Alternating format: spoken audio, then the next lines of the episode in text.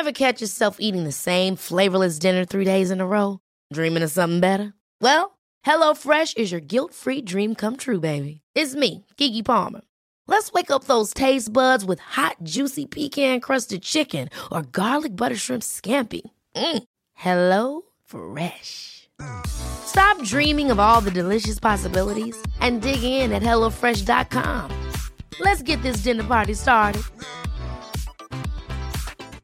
Hey, it's Ryan Reynolds, and I'm here with Keith, co star of my upcoming film, If, only in theaters, May 17th. Do you want to tell people the big news?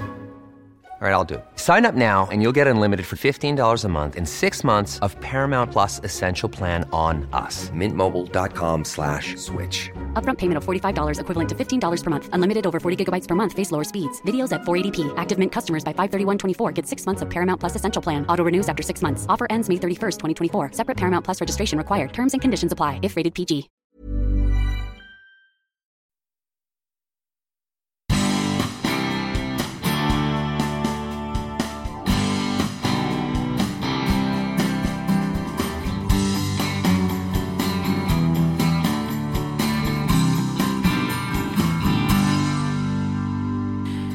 När vi lär våra barn cykla, då är vi där med cykelhjälmen, trafikreglerna, vi håller i cykeln där bak tills barnet kan börja cykla.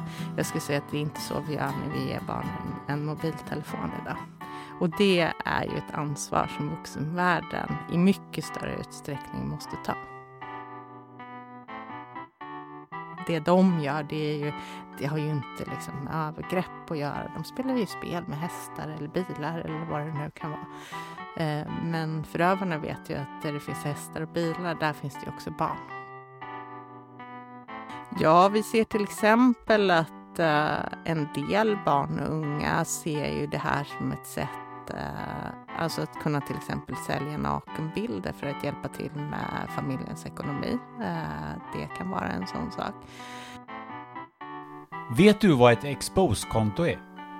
Vet du hur många tjejer i 12-årsåldern som fått oönskade nakenbilder skickade till sig? Har du någon koll alls på vad dina barn gör på nätet? Anna-Karin Hildingsson Bokvist ger oss en inblick i en värld som jag inte hade en aning om. Och om man kollar statistiken så nästan ingen förälder det heller. Så dags att vakna upp, även om det kan vara jobbigt. Det värsta för barnen är att de är väldigt ensamma i sin utsatthet. De vågar inte ty sig till vuxna utan hittar strategier att lösa problemen med hjälp av sina kompisar. Vuxenvärlden tror att det är enkelt. Man kan ju alltid blocka någon man inte gillar. Men det är svårt när förövaren sitter i bänken bredvid i skolan. Men allt är inte svart och svårt. Tack vare Anna-Karin och hennes medarbetare på Ecpat får många barn hjälp. Internet är också en arena som gör att barn och ungdomar får en frihet, vilket man inte får glömma bort. Vi pratar också om basket, stuga på Koster och att vilja bli advokat när man är åtta år. Varsågod! Här kommer kanske ett av poddens viktigaste samtal.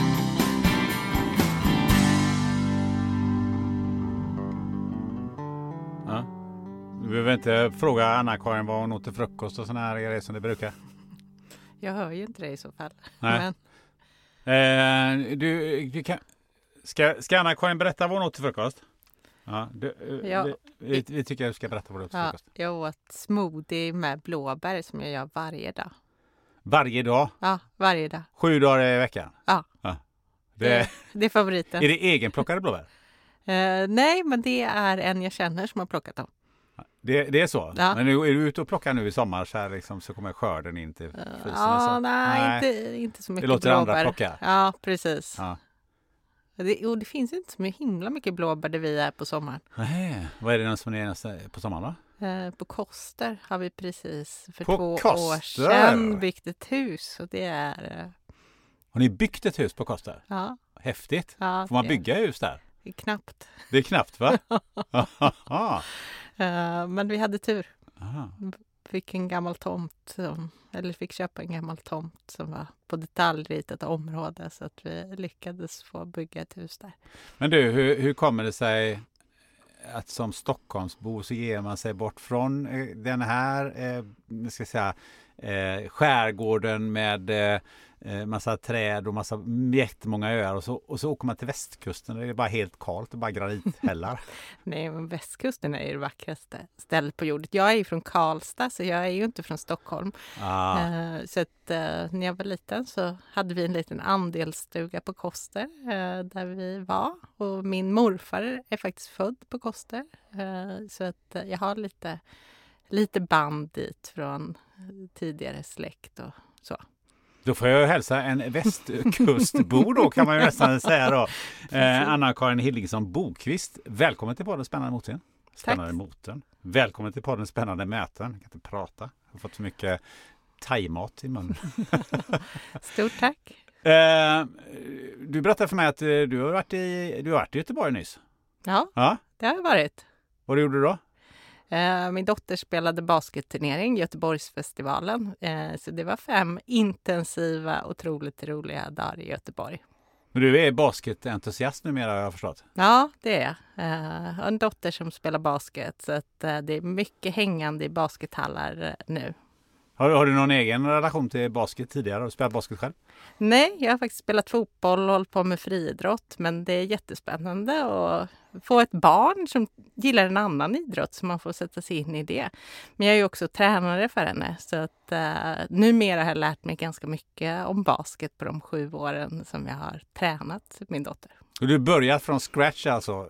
Och så ger du dig in och var tränare med en gång? Ja, precis. Men jag brukar hävda att man behöver några som är väldigt duktiga på basket och sen så behöver man några tränare som är duktiga på relationer med barn och unga. Och Mm. jag tror att det är där min styrka ligger.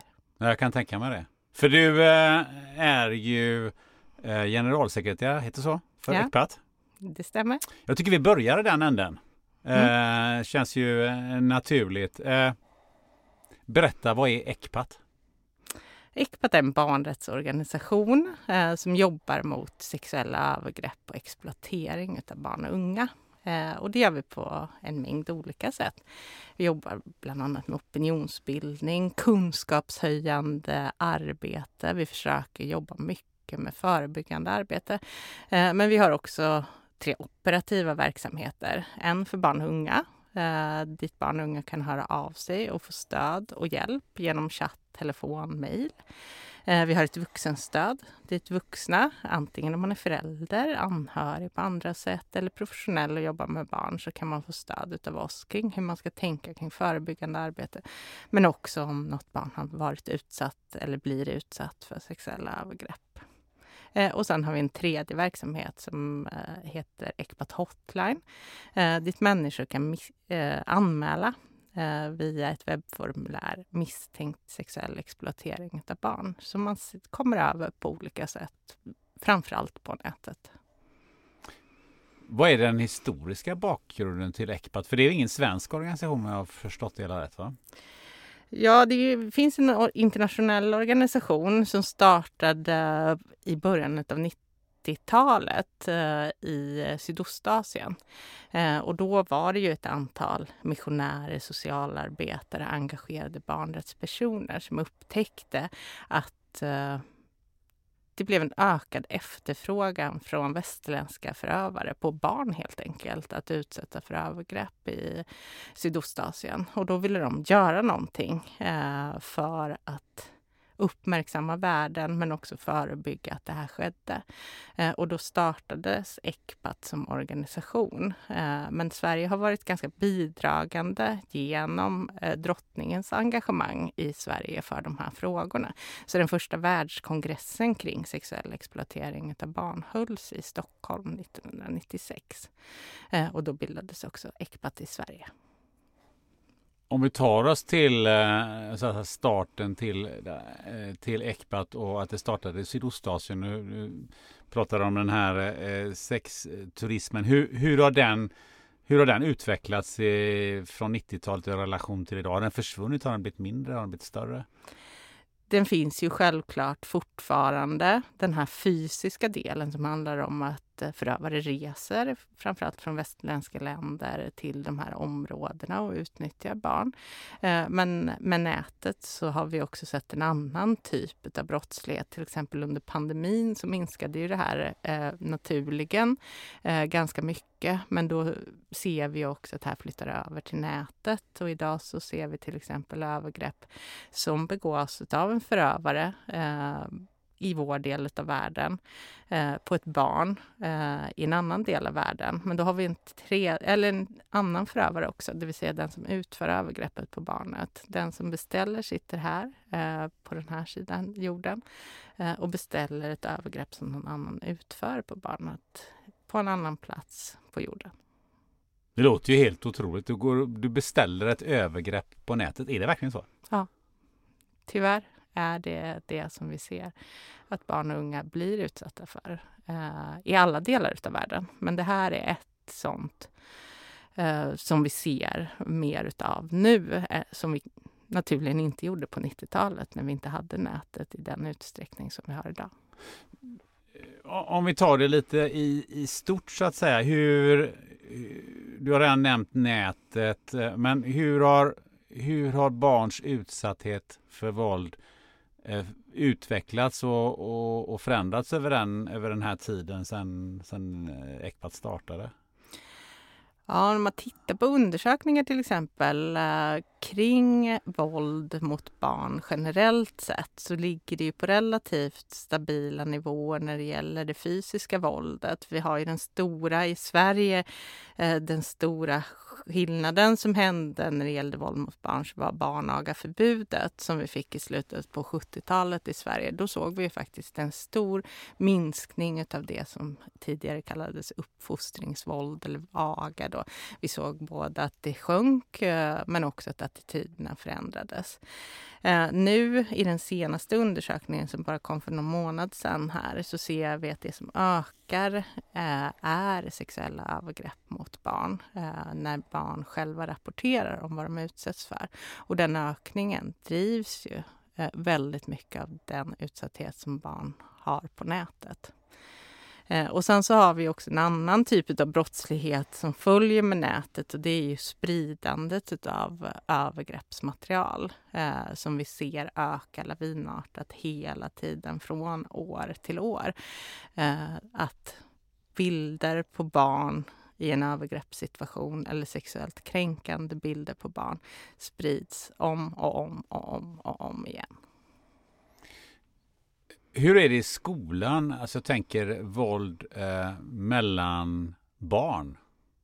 Jag har fått en uppfattning som jag tänkte testa på dig. Det är att eh, när mina barn då som är idag i 30-årsåldern, men när de gick i skolan så upplevde jag nästan aldrig att, det, att de hamnade i våldssituationer. Eh, medan när jag själv gick i skolan så var det våldssituationer i stort sett varje dag. Eh, och då känns det som att det är mycket bättre nu och samtidigt så sa man då, mina barn gick i skolan på 90 och 00-talet, eh, att, eh, att det var mycket värre. Vad, vad, hur har skolans, hur har det utvecklats i skolan? Jag skulle säga att det fysiska våldet finns ju absolut kvar. Men det vi ser är att eh, barn är utsatta på många fler olika sätt med nätet. Eh, för att nätet följer med våra barn på alla deras arenor idag. Att vara i skolan innebär ju samtidigt att vara på nätet. Både i undervisningen använder vi ju nätet, eh, men de allra flesta barn har ju också med sig sin mobiltelefon när man är i skolan. Eh, och där ser vi en annan typ av brottslighet som kanske inte alltid är fysisk, men som är minst lika allvarlig för att man kan trakasseras eh, via nätet. Men det som vi, vi framförallt jobbar med handlar ju om eh, utsattheten för sexuella övergrepp som sker i det digitala. Det känns som att eh, eh man blir utsatt för våld eh, som, så som barn då eh, i skolan eller på skolor, skolgården. Sen var det bra med det. Här känns det som att man bär med sig det här våldet 24 timmar om dygnet om man har det i sin mobiltelefon eller i sin iPad eller vad det nu är. Ja, det är definitivt risken.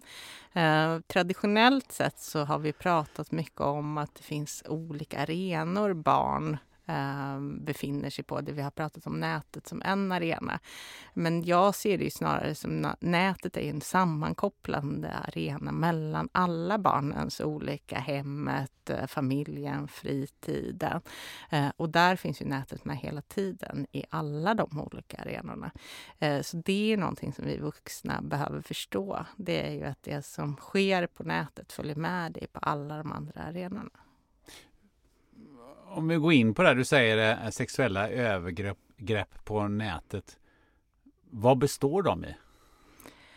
Det kan vara allt från att man får en oönskad nakenbild, eh, dickpics eh, är väl det ordet barnen använder för det mesta, eh, skickad till sig och det ser vi att de allra flesta barn eh, får ganska tidigt från 9-10 års ålder har de allra flesta barn varit med om att få oönskade nakenbilder. Eh, men det kan också handla om att Eh, jag har skickat en bild till någon annan, en sexuell eller nakenbild till någon som jag har tillit till, som jag är i en relation med till exempel, som sen sprids på nätet. Vi ser också grooming, eh, förövare som eh, på olika sätt försöker få dig att utföra sexuella handlingar. Det kan också handla om att bli hotad på, tjatad på, utpressad för att skicka eh, bilder på sig själv. Och sen så hamnar man i en situation där man kanske fortsätter krävas på pengar eller fler bilder. Och det här aldrig tar slut och kan också sluta i fysiska övergrepp. Vi ser också barn och unga som hängs ut på det som kallas expose-konton. Eh, där det kan vara så att jag återigen frivilligt har skickat en bild till någon som jag litar på. Eh, som sen skickas in till någon som driver ett expose-konto. Jag hängs ut. Eh, och de här expose-kontona är många gånger lokala. Vilket innebär att den som driver kontot eh, lägger in namn, var du bor, hur gammal du är, vilken skola du går på, dina användarnamn på sociala medier. Eh, och sen går det att kommentera på de här bilderna. Så då kanske 10, 20, 100 personer i din närmaste närhet eh, kommenterar på ett väldigt negativt sätt på de här bilderna. Eh, och det här, nu pratar vi om 11, 12, 13-åriga framförallt flickor, men det kan hända pojkar också. Och sen så ser vi också eh, övergrepp som har skett i det fysiska, som har filmats eller på andra sätt dokumenterats. Så det kan vara både vuxna förövare eh, och barn som har utsatt andra barn. Eh, och som sen sprids på nätet eh, och sprids i forum för förövare. Eh, och den här aspekten av utsattheten, att övergreppet aldrig tar slut. Eh, för det finns alltid kvar där ute. är ju det som vi ser också genom forskning att eh, det har ännu större påverkan psykiskt på barn och unga än ett övergrepp som inte har dokumenterats. Det här väcker ju oerhört många frågor. Vi ska gräva ner lite grann i det här tycker jag. Men om vi börjar i det här, den änden med alltså vuxna eh, förövare. Eh, hur, hur bär man sig ens åt för att komma åt eh, telefonnummer och börja göra sådana här grejer? Eller går man, hur, hur, kommer vuxna in i, det, i den världen och kan börja utnyttja eh, unga? Hur går det ens till? Vuxna förövare finns där barn finns. De är oerhört duktiga på att ta sig in på de arenor där barn och unga finns. Eh, det är allt från spel till sociala medier till andra typer av kommunikationsappar som de här personerna vet att det befinner sig barn på. Eh, och då går de in där eh, och interagerar med barn på olika sätt. Och vi kan se att det sker på olika sätt Eh, många ser grooming som att det är någon person som utger sig för att vara en annan person. Att det är ganska långa processer där man lockar med saker och eh, skapar en relation. Men det vi har sett under de senaste åren är att det inte alltid går till så utan att hot kan komma väldigt snabbt. Att eh, förövaren inte utger sig för att vara någon annan än den hen är. Eh, och väldigt snabbt gå på att hota barnet. Eh, jag vet var din familj bor. Eh, om du inte gör som jag säger så kommer jag döda ditt husdjur. Den typen av snabba hot som gör att barnen eh, många gånger väljer att göra det som förövaren vill att de ska göra. Hur, hur, hur förbereds barnen? Hur, hur medvetna är barnen om att de här hoten eh, finns på de här platserna? Jag skulle säga att barn lär sig själva eh, väldigt mycket och utvecklar strategier kring hur de ska hantera det här. Jag skulle säga att vi i vuxenvärlden är alldeles för dåliga på att förbereda barnen på eh, vad det är för arena vi ger dem ger dem utrymme på när vi ger dem en mobiltelefon eller accepterar den där appen som innebär kommunikation med andra personer. Eh, när vi lär våra barn cykla, då är vi där med cykelhjälmen, trafikreglerna, vi håller i cykeln där bak tills barnet kan börja cykla. Jag skulle säga att det är inte så vi gör när vi ger barnen en mobiltelefon idag. Och det är ju ett ansvar som vuxenvärlden i mycket större utsträckning måste ta. Ja, hur, hur ska vuxenvärlden bära sig åt när man, innan man ger en, ett barn en mobiltelefon? Du pratar här om cykeln och jämförelse med hjälmen och så vidare. Mm. Kan vi överföra det på något sätt till en mobiltelefon eller en iPad eller vad det nu är för någonting? Ja, jag tror att det handlar mycket om att vi behöver förstå barns drivkrafter kring att vara på nätet. Det är inte ett alternativ att inte vara på nätet för barn och unga idag. Det är en lika naturlig del av livet som skolan eller eh, fritiden. Eh, så därför behöver vi också vara nyfikna på den här arenan och på vad det är barnen vill göra där. Eh, för nätet är inte bara risker utan det är ju väldigt, väldigt mycket positivt som finns där. Eh, en värld för barn och unga som gör att man inte är begränsad till sin skolklass eller närmaste grannkompisarna utan man kan utforska världen på nätet. Men då behöver vi också prata om det som är risker. Eh, och för att kunna förstå risker så måste vi förstå drivkrafter och vi måste förstå den världen. På samma sätt som vi står bredvid fotbollsplanen och hejar trots att vi kanske inte kan reglerna eh, för offside, så är vi där och finns där. Eh, och det behöver vi göra när det gäller nätet också.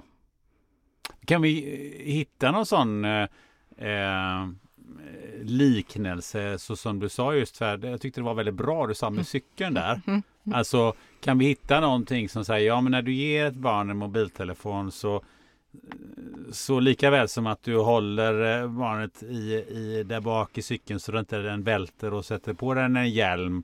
Finns det några sådana här saker, ja men ger den en mobiltelefon så, så, så ska du prata om de här grejerna och, och alltså finns det någon, finns det någon sån här checklista eller finns det någonting som du skulle kunna dela med dig där? Ja, men jag tror att det handlar mycket om att våga prata om att det finns människor på nätet som eh, kommer att försöka eh, kontakta dig i syfte att du ska göra vissa saker som den här förövaren vill. Eh, och ge barnen verktyg. Vad kan man göra om en person kontaktar mig och frågar om nakenbilder? Eh, vad kan jag göra om någon säger att jag vet vart din familj bor?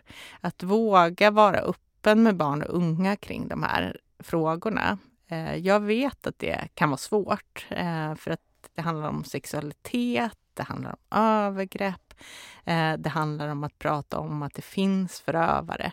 Eh, men när vi pratar med barn och unga så är de väldigt tacksamma för att vi är där och inte lindar in de här sakerna utan faktiskt vågar stå och prata om de frågorna. Eh, så jag tänker att det här raka samtalet eh, kring också svåra saker är viktigt.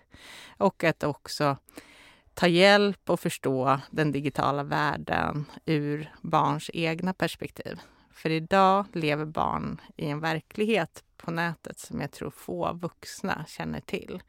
När jag har hört tioåringar som säger att de får 20 dickpics skickade till sig i veckan. Eh, det är ganska många vuxna som höjer på ögonbrynen, eh, som jag såg att du också gjorde eh, nu. För att man ser inte att den verkligheten finns. Och det som blir resultatet av det är ju att barnen försöker hantera det här själva och utvecklar egna strategier för det eh, utan att vi är med och hjälper till med de här strategierna. Vad är strategierna då? Vad ska, vad ska vi säga om du får, om du får ett, tio dickpics eller det är någon person som kontaktar dig och säger att de ska döda ditt husdjur om du inte gör som de säger. Mm. Vad, vad, vad, ska vi säga till barnet? Hur ska, hur ska vi ge det strategier? Vad, vad är det faktiskt barnet ska göra då?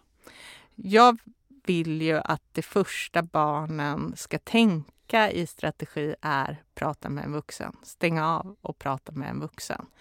Eh, för att inte själv behöva hantera de här situationerna utan att kunna ta hjälp av en vuxen. Men det vet vi att få barn gör det. De pratar inte med andra vuxna eh, om det här.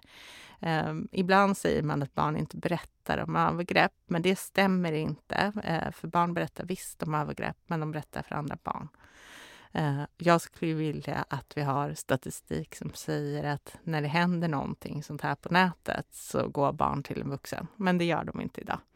Eh, så det eh, handlar ju jättemycket om att vi vuxna måste vara villiga att ta emot, lyssna och inte skuldbelägga barn. För jag har mött så många barn eh, som blivit skuldbelagda av sina egna föräldrar eh, eller andra vuxna runt omkring dem. Och det, det barnen resonerar om handlar ju mycket om att ofta har vuxna sagt att du får inte prata med en vuxen eller du får inte lägga till någon på ditt konto eh, som du inte känner. Och så har barnen gjort det och då känner de att det är de som har gjort något fel fast det är de som har blivit utsatta för någonting. Och där måste vi vuxna förstå att det viktigaste är att barn och unga kommer till oss när det har hänt någonting. Och sen så är barn och unga väldigt rädda för att straffet de ska få om de berättar om att de har varit utsatta för någonting är att bli av med sin telefon eller att inte få vara på den här appen som jag älskar att vara på när det inte händer obehagliga saker. Eh, och där har vi ett jobb att göra som vuxna i att förstå att det är inte det barn som blir utsatt som ska få en bestraffning i form av att bli av med sin mobiltelefon. Eller få höra, nu har du gjort någonting som jag har sagt att du inte får. Utan här måste vi ta in att det är ett övergrepp som barnet har blivit utsatt för och det är förövaren som ska ha skulden för det. Men hur bygger vi det förtroendet med barnen?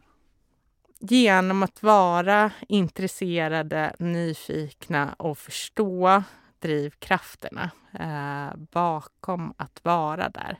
För när vi pratar med barn så beskriver de nätet som en trygg plats, eh, en plats där man kan göra allt i stort sett, eh, som man inte kan göra på alla de fysiska arenorna.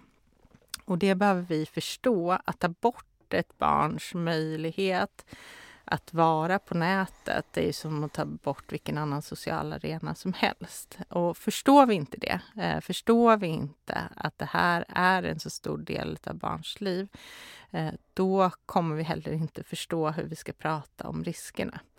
För vi behöver också förstå vad det är de utsätts för. Eh, för som sagt, om jag är tio år och får tio dickpics i veckan veckan. Om jag inte ens förstår det eh, så kommer den där gången när ett barn berättar det för mig kanske bli lite överväldigande för mig. Eh, att sen om det har hänt fler saker eh, så kan det vara väldigt svårt att ta in det tror jag som vuxen. Om man inte förstår att det här är någonting som är en högst överhängande risk för barn och unga idag.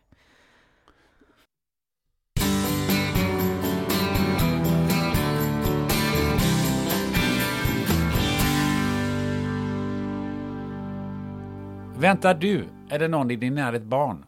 Ja, då kanske ni har funderat på om det finns en sannolikhet att fostret har en kromosomavvikelse. Porrens sponsor Life Genomics erbjuder Harmony NIPT, ett genetiskt fostertest med väldigt hög precision för att upptäcka de vanligaste kromosomavvikelserna. NIPT görs på ett enkelt blodprov från mamman som utförs på labbet i Göteborg. Gå in på hemsidan fostertest.se och läs mer. På fostertest.se så hittar du också din närmaste vårdgivare som erbjuder NIPT-test. Life Genomics erbjuder även andra tester som covid-19 PCR inför exempelvis din resa eller andra möten. Dessutom erbjuder Life Genomics ett kvantitativt antikroppstest för covid-19 som påvisar aktuell immunstatus. Mer information hittar du på lifegenomics.se. Tack Life Genomics!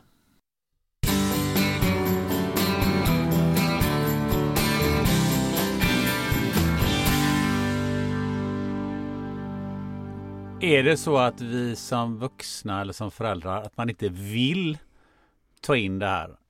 Eller är det att man inte ägnar tillräckligt mycket tid åt det? Eller vad är problemet eftersom det blir ett sånt glapp som du uppenbarligen beskriver här mellan barnets värld och min värld. Och jag vet ju egentligen inte vad barnet sysslar med där. Vad är, vad är liksom, vad är, om vi borrar lite i det, vad är, vad är, vad är den springande punkten hos föräldrarna?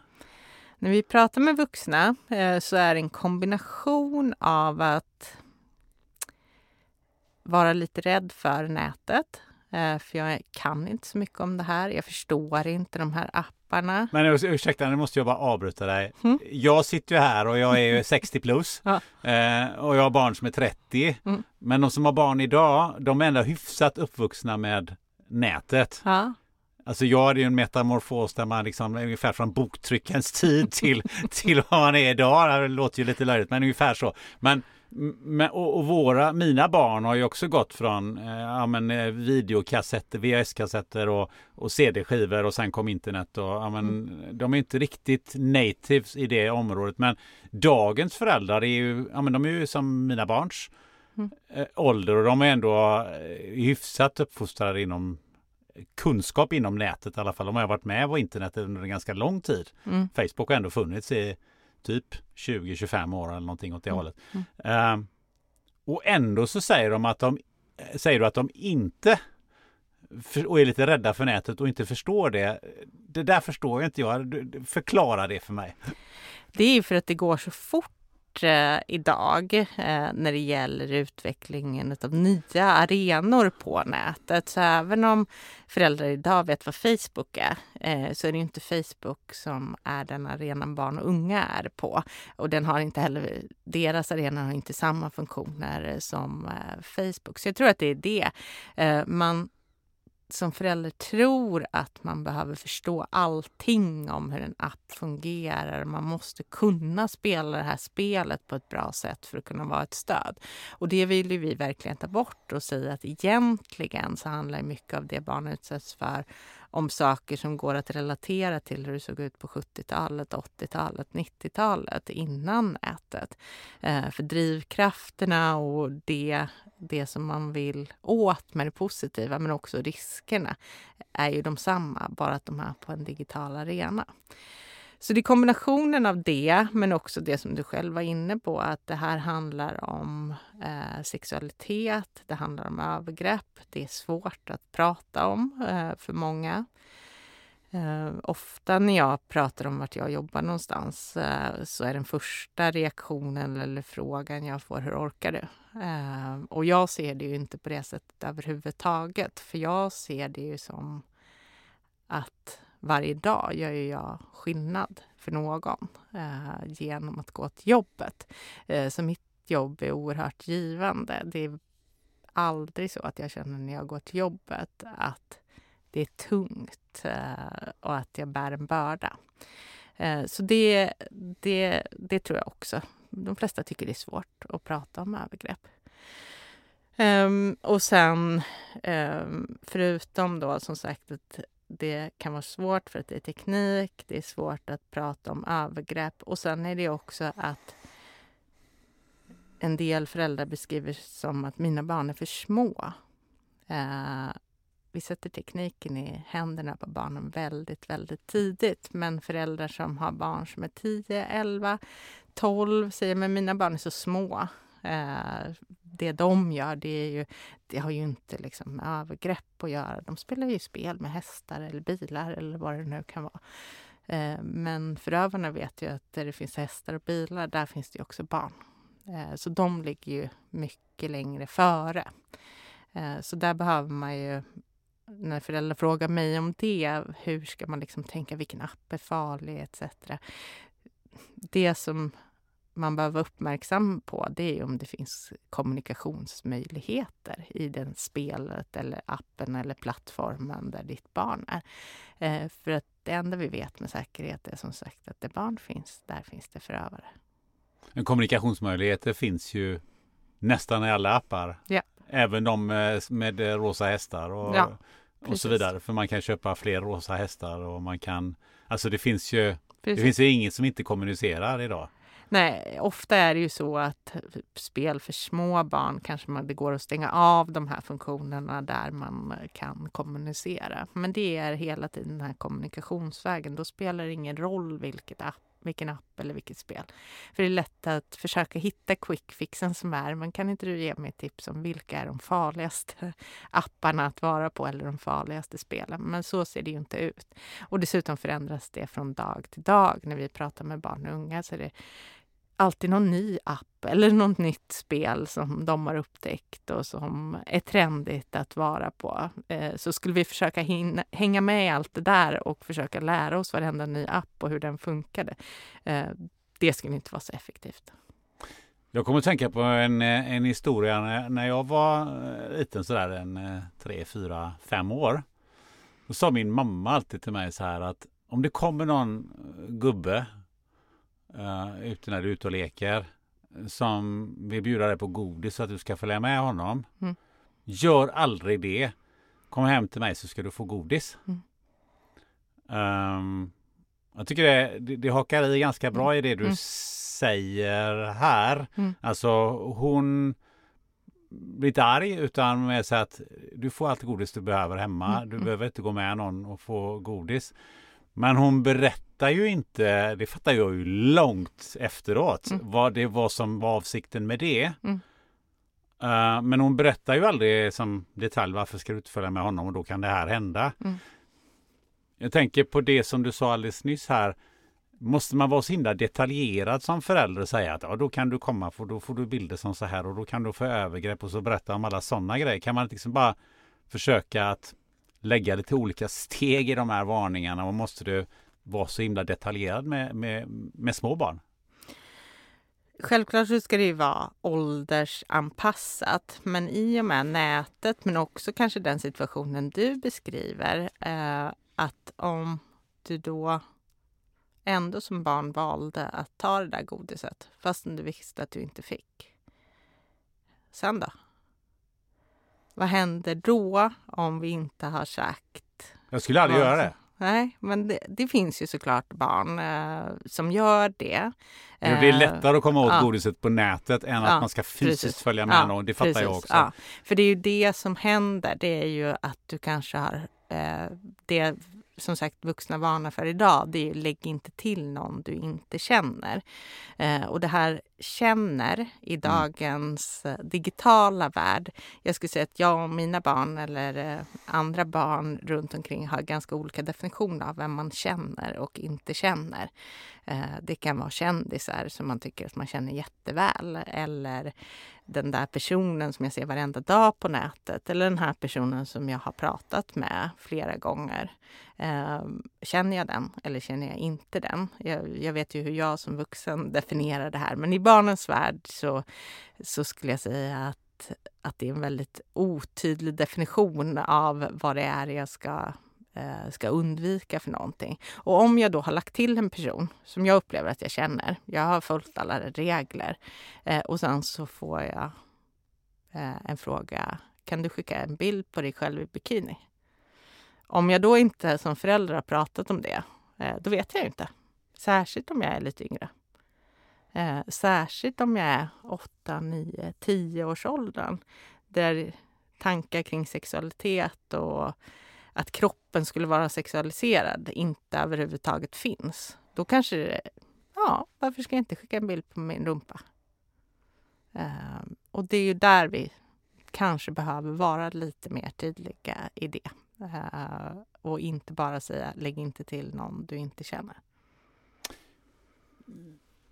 Det känns ju lite som att eh, bygga det här förtroendet handlar ju inte bara om just eh, mobiltelefonen och de här grejerna utan det känns ju som ett vidare begrepp. Mm. Att bygga ett förtroende som förälder eller som vuxen till barnen på alla arenor. Mm. Mm. Precis. För du kan ju inte bara bygga ett, ett förtroende på Ja men nu ska du eh, ha förtroende för mig här när det gäller din mobiltelefon. Då ska du berätta allting. Men annars så har jag inget större förtroende för dig och du har inte det för mig heller. Nej, men det handlar ju om att vi kanske är mer vana att bygga det förtroende i den fysiska. Att första gången jag ska ner på stan med mina kompisar ensam, då tar vi det snacket. Du kan alltid ringa mig om det händer någonting som är obehagligt. Medan när det gäller nätet eh, så upplever jag att vi vuxenvärlden är mer passiva kring ja, men vad ska jag göra om något händer. Vi, vi har väl alla som föräldrar varnat för vissa platser. Där, där får du inte vara när du är ute. Och där vet vi, för där är det den där typen av människor som kan vara farliga och så.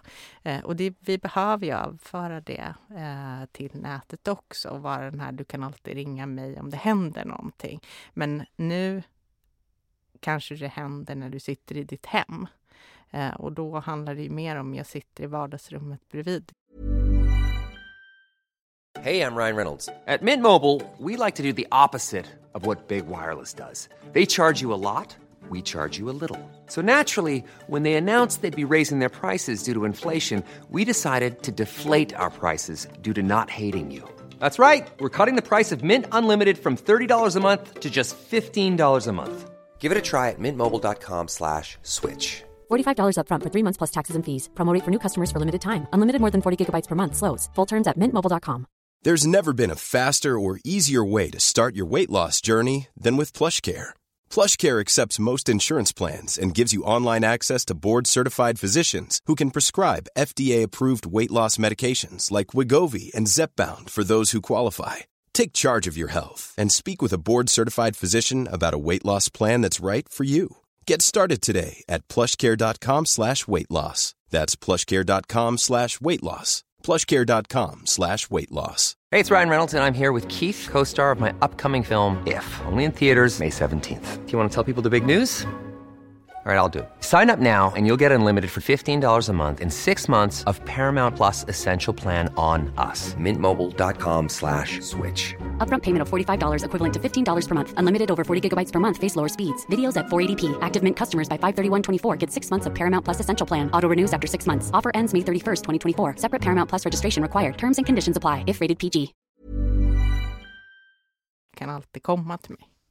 Är vi inte rent av rädda för fel saker?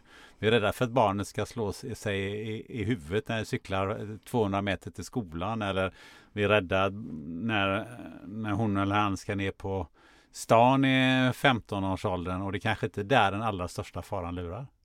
Nej, eh, inte som vi ser det när vi pratar med barn och unga. Det är klart att de farorna finns också.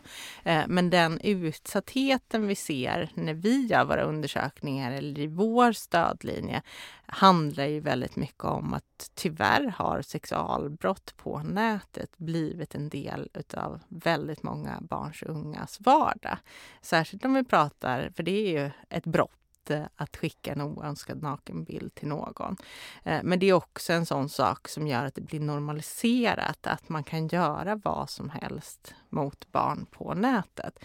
Eh, och när jag har fått min tionde dickpic, då för barnen är ju inte det jätteonaturligt att det sen kommer en fråga om att skicka en bild själv. När jag har skickat dig tio dickpics, nu är det din tur. Skicka en nakenbild till mig.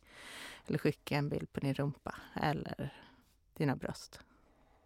Eh, och det gör ju, det som vi ser är faran med det, det är ju att vi normaliserar eh, egentligen sexualbrott. För att skicka en dickpic är ju samma sak som att man möter en blottare.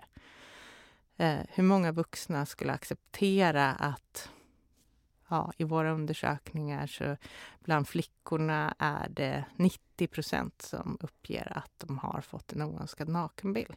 Och 90 procent! utav alla Vad pratar vi för ålderskategori här? 10 till 17.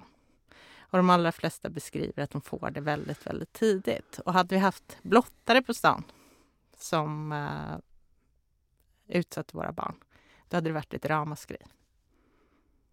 Ja, hela det måste varit en fruktansvärt mycket blottare på stan för att man ska kunna nå 90 procent av alla tjejer Mm. som är Mm. mellan eh, 10 och 17. Jag vet att du inte, eller jag kan tänka mig att du inte gillar den här frågan, men att ställa den ändå. Finns det på något sätt någonting som i era undersökningar, det du har upplevt, där du kan kategorisera eh, några sorts riskgrupper eller kan man se att det finns barn i vissa eh, inom vissa vad ska jag säga, eh, grupper som är mer utsatta än andra. Vilka grupper nu än är. Finns det något sånt överhuvudtaget? Ja, eh, det finns det. Eh, och det ser vi, för vi har lite bakgrundsfaktorer på de barn som vi eh, med, även om de är helt anonyma. Så eh, barn eh, som identifierar sig som hbtq, eh, barn med eh, funktionsnedsättningar, framförallt neuropsykiatriska funktionsnedsättningar. Um, vi ser också barn som är placerade utanför sitt eget hem.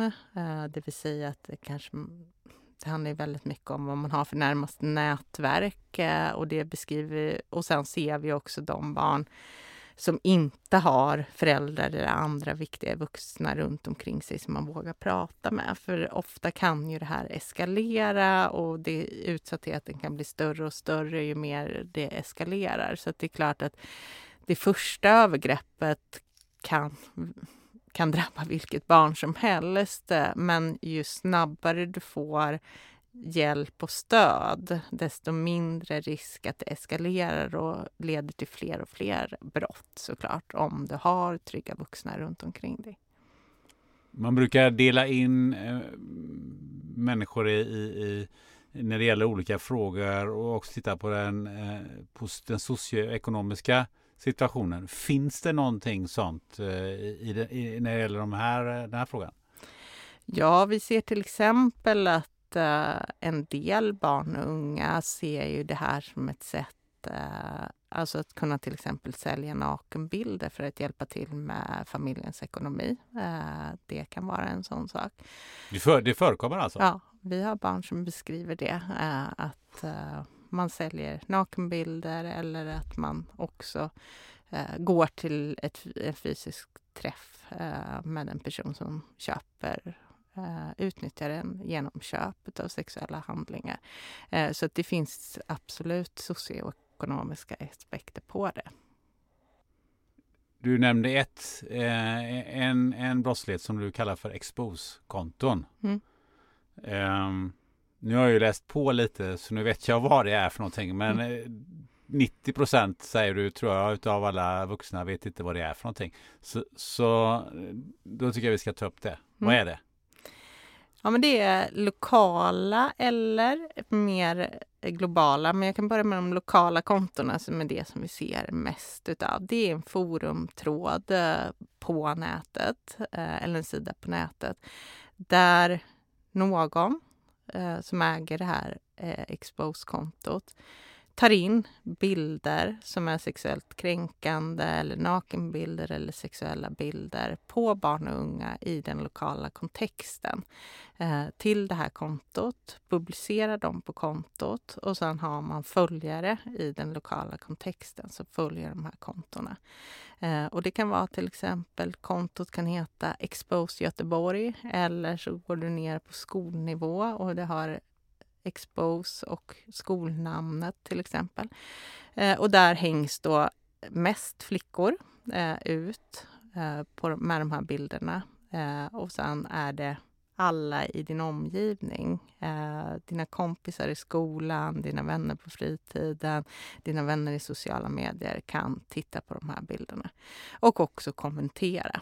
Eh, och där kan vi ju se hundratals kommentarer på de här kontona som är både rasistiska, sexistiska, misogyna. Eh, och vi pratar om 12-13-åriga flickor främst då, men även pojkar eh, som lever med att ha blivit uthängd på den här typen av expose-konto. Eh, nästa dag går till skolan och undrar hur många av mina klasskompisar har sett bilden på mig naken. Första frågan. Vem är det som skapar de här kontona? Eh, de här kontona är många gånger eh, lite äldre barn eller unga vuxna eh, som har de här lokala kontona. Eh, och jag brukar säga, för vuxna brukar ofta fråga, men det här är ju fruktansvärt det här måste vara något nytt, det här fanns inte på vår tid. Men självklart fanns det på vår tid också. Det var bara det att vi var i mycket mindre kontext. Eh, då var det toalettdörren på snabbmatsrestaurangen. Det var där ryktena spreds. Det var där man skrev de här kommentarerna. Eh, det spreds inte i samma utsträckning som idag. Det kunde också vara någon som hade smygfotat i duschen och sen klistrade skolan med de där som man fick gå och framkalla på ett framkallningsställe. Men numera så sprids ju det här på ett helt annat sätt och det är ju det som är den stora skillnaden. Eh, men drivkrafterna bakom att göra de här sakerna, eh, det vill säga att bli den där personen som har det här kontot som alla vill se, eh, är ju de samma skulle jag säga som det var när man klistrade upp de här på skolans väggar eller skrev på en toalettdörr. Kan man inte stänga ner de här kontona?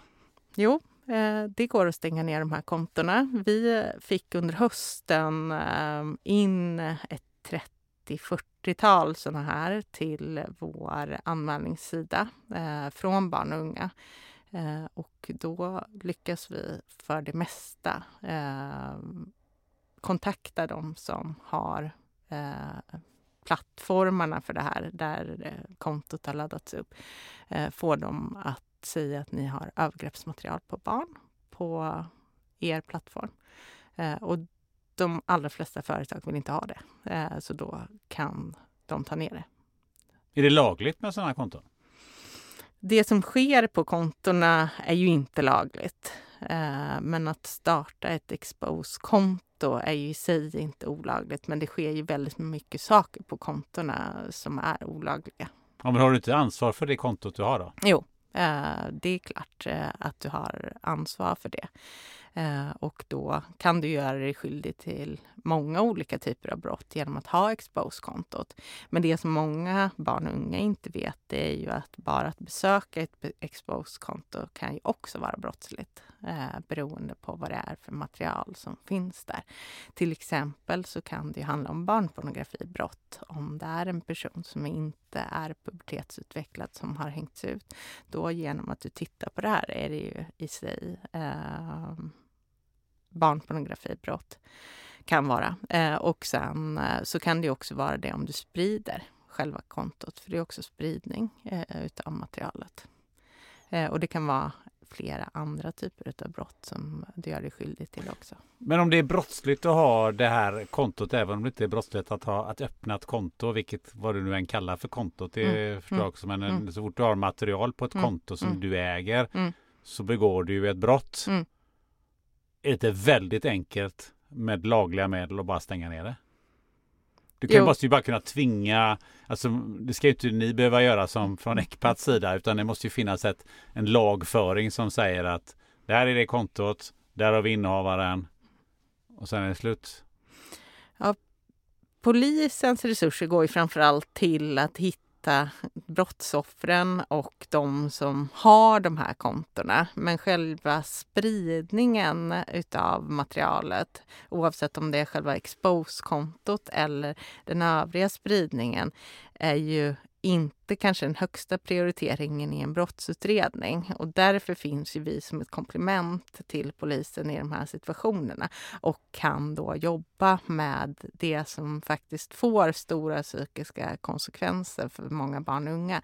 Att eh, bilden fortsätter att spridas. Så därför jobbar ju vi mycket med det som är nedtagning eftersom övergreppet inte tar slut. Även om du hittar den som har begått brottet, du hittar hitta den som har varit utsatt och ta den ur en övergreppssituation.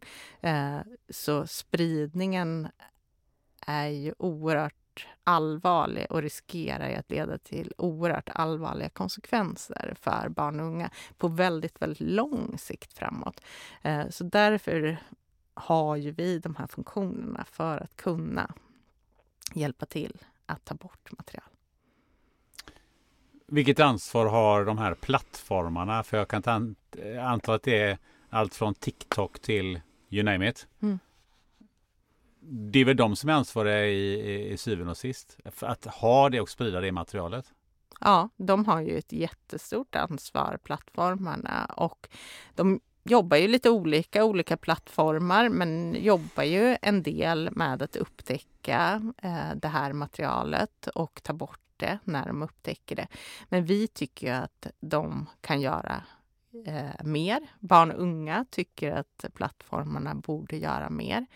Till exempel om vi pratar expose-konton och frågar barn och unga hur de har kommit in på de här kontona eh, så beskriver ju de att en del av barnen har ju faktiskt kommit in via rekommendation från plattformen själv genom deras algoritmer.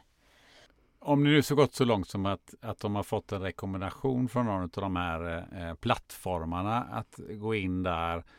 Vilket intresse har plattformarna av att driva den här typen av trafik överhuvudtaget?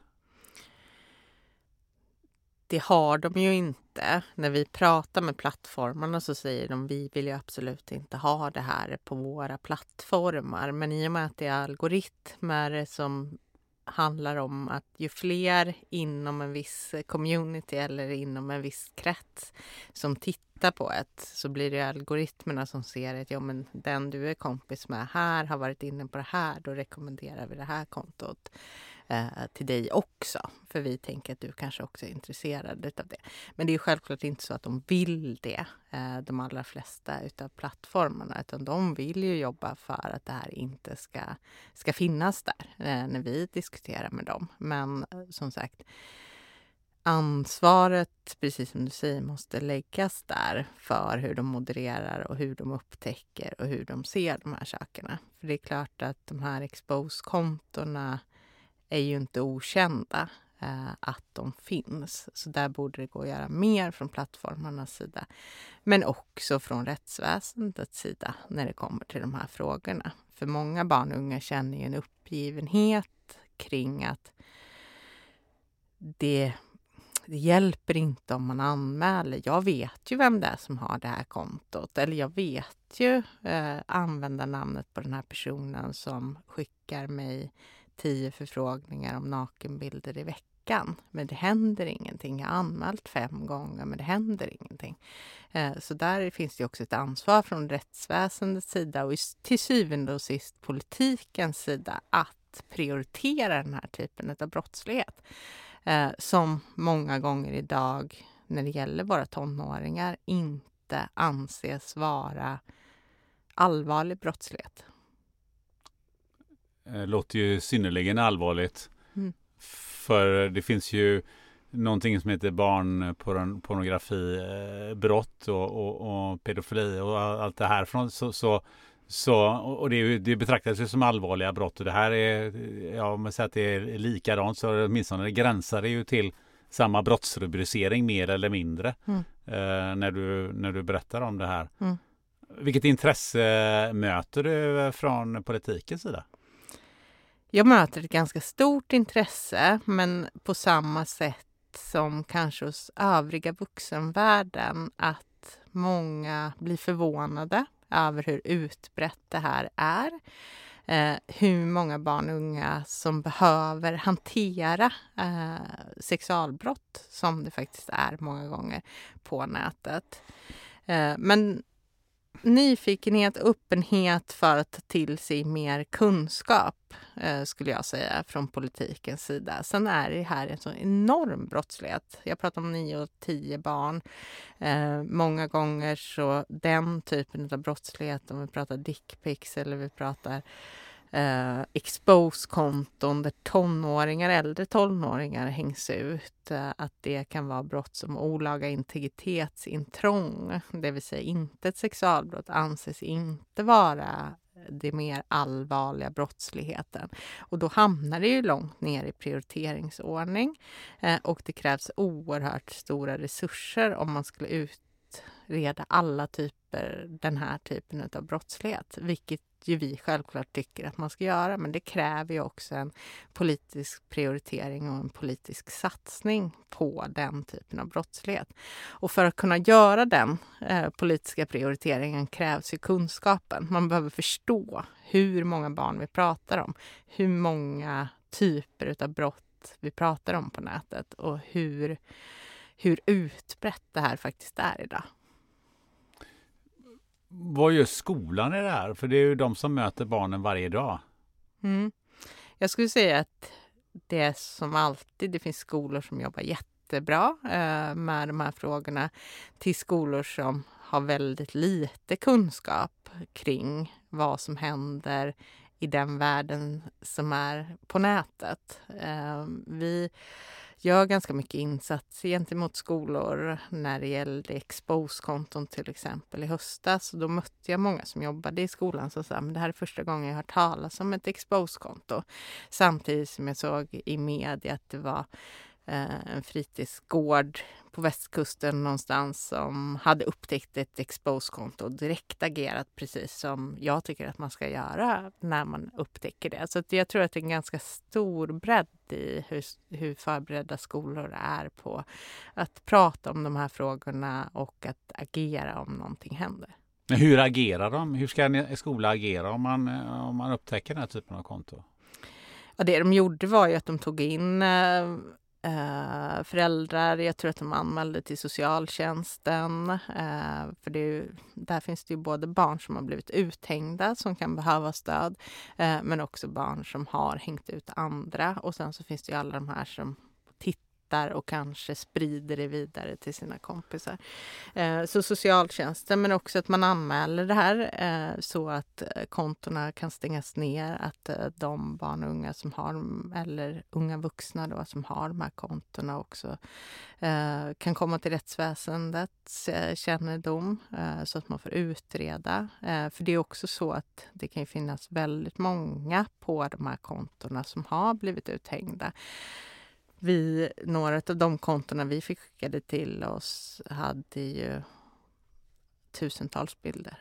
Eh, och många av dem var på barn. Eh, så det kan finnas många barn som är utsatta i det här som vi inte känner till vid första, första anblick. Men att skolan uppmärksammar det och sen också hantera konsekvenserna. Eh, för att en av de sakerna som barn säger till oss om vuxnas råd kring hur man ska vara trygg på nätet handlar väldigt mycket om att ja, men det, det har vi lärt oss någonstans i vuxenvärlden. Blocka den som gör... Man kan blocka personer som liksom gör saker mot den.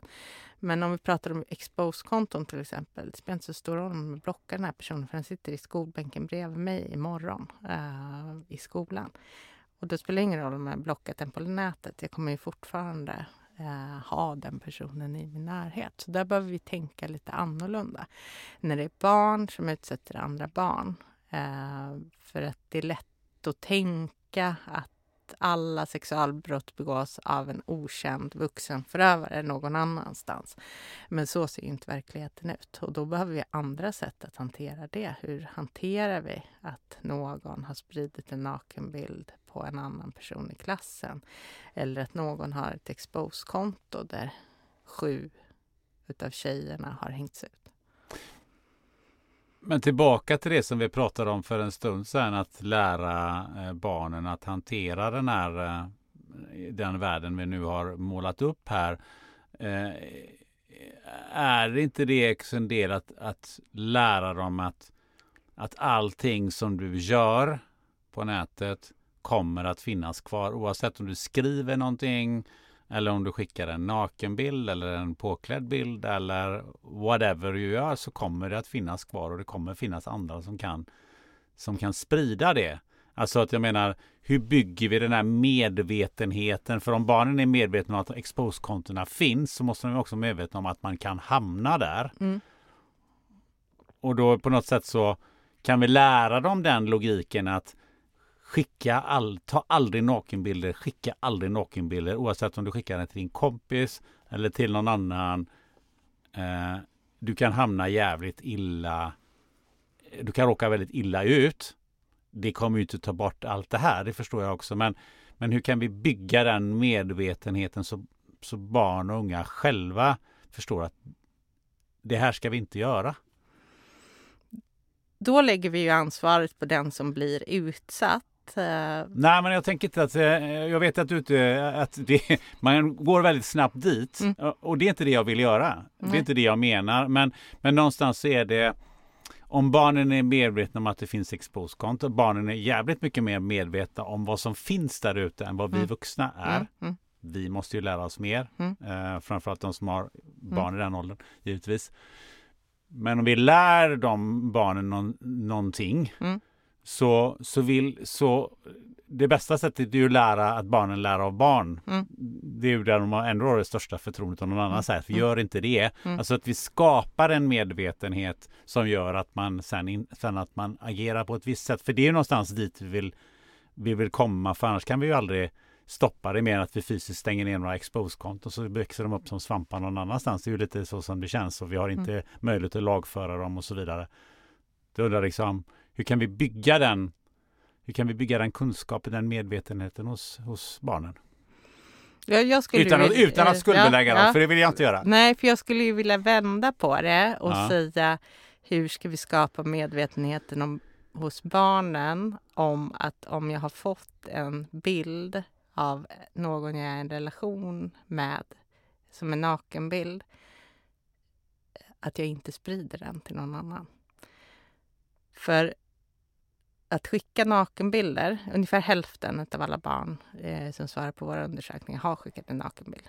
Så här finns det en drivkraft. Eh, det finns ett utforskande av sin sexualitet som de gör i det digitala istället för i det fysiska som vi vuxna kanske mer tänker att det är där man utforskar sin sexualitet i det fysiska.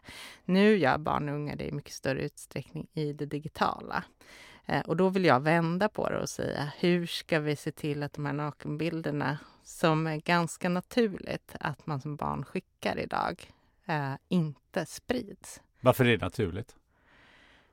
Det är deras sätt att utforska sin sexualitet på. Eh, Fast Förr det- kanske vi stod mitt emot varandra och visade så här ser jag ut, så där ser du ut. Eh, och sen lite mer ju högre upp i åldrarna man kommer.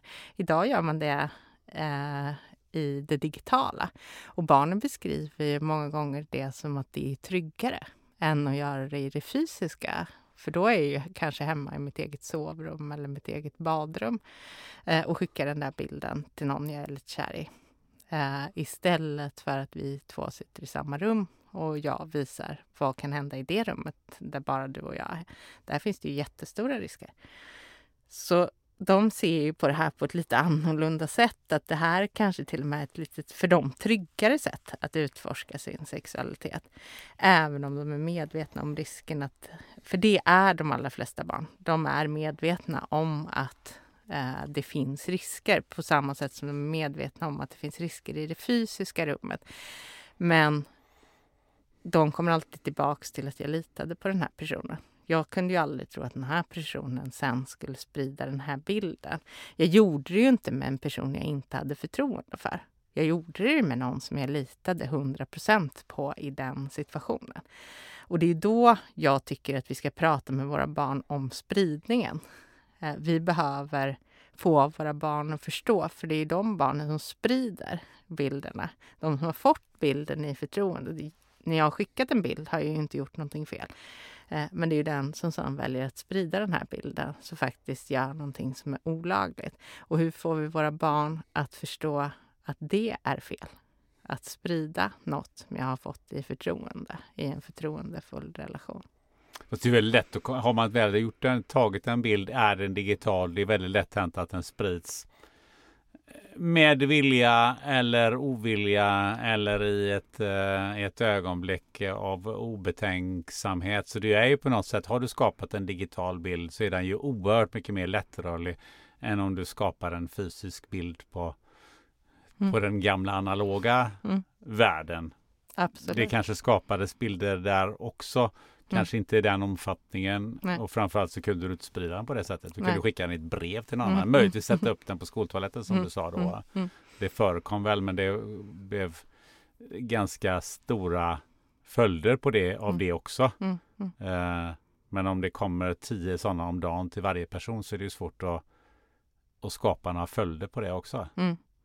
Kan jag tänka mig. Mm, absolut. Eh, Men jag tror att det är nog en del utav vad barn och unga kommer att göra. Är att skicka bilder på sig själv till någon man är i en relation med.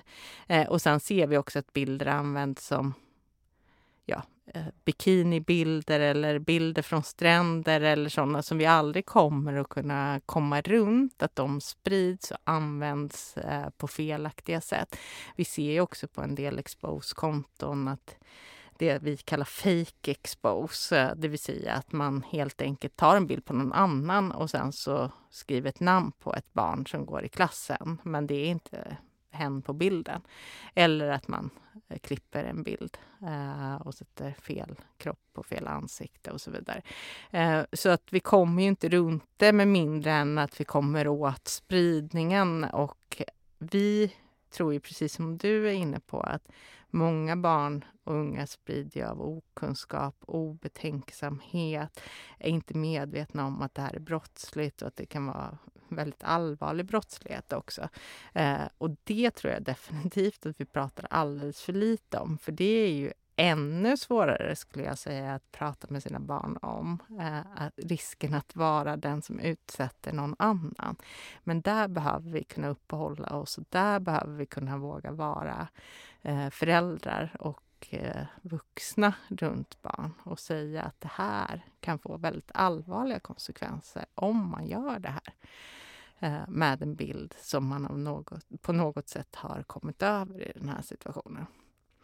Och sen när det gäller bilder på nätet, som sagt, så finns det ju... Det fanns en gammal sanning som var det som finns på nätet kommer alltid finnas på nätet. Eh, och det är ju inte riktigt så. Eh, utan det går ju faktiskt också att, att se till att bilder som har blivit spridda kan tas ner. Och vi har de möjligheterna. Eh, vi försöker säga det till barn och unga så att de också ska känna det här hoppet i att det faktiskt är möjligt. Ehm, att, att det inte alltid stannar på nätet. Och då ger ju det också mera egen kraft till barn och unga att känna att det behöver inte vara så, att det är för alltid. Eh, utan här kan jag faktiskt agera, jag kan få hjälp med det här. Eh, så det är viktigt att veta att det behöver inte stanna på nätet för alltid. Jag tänker AI Mm.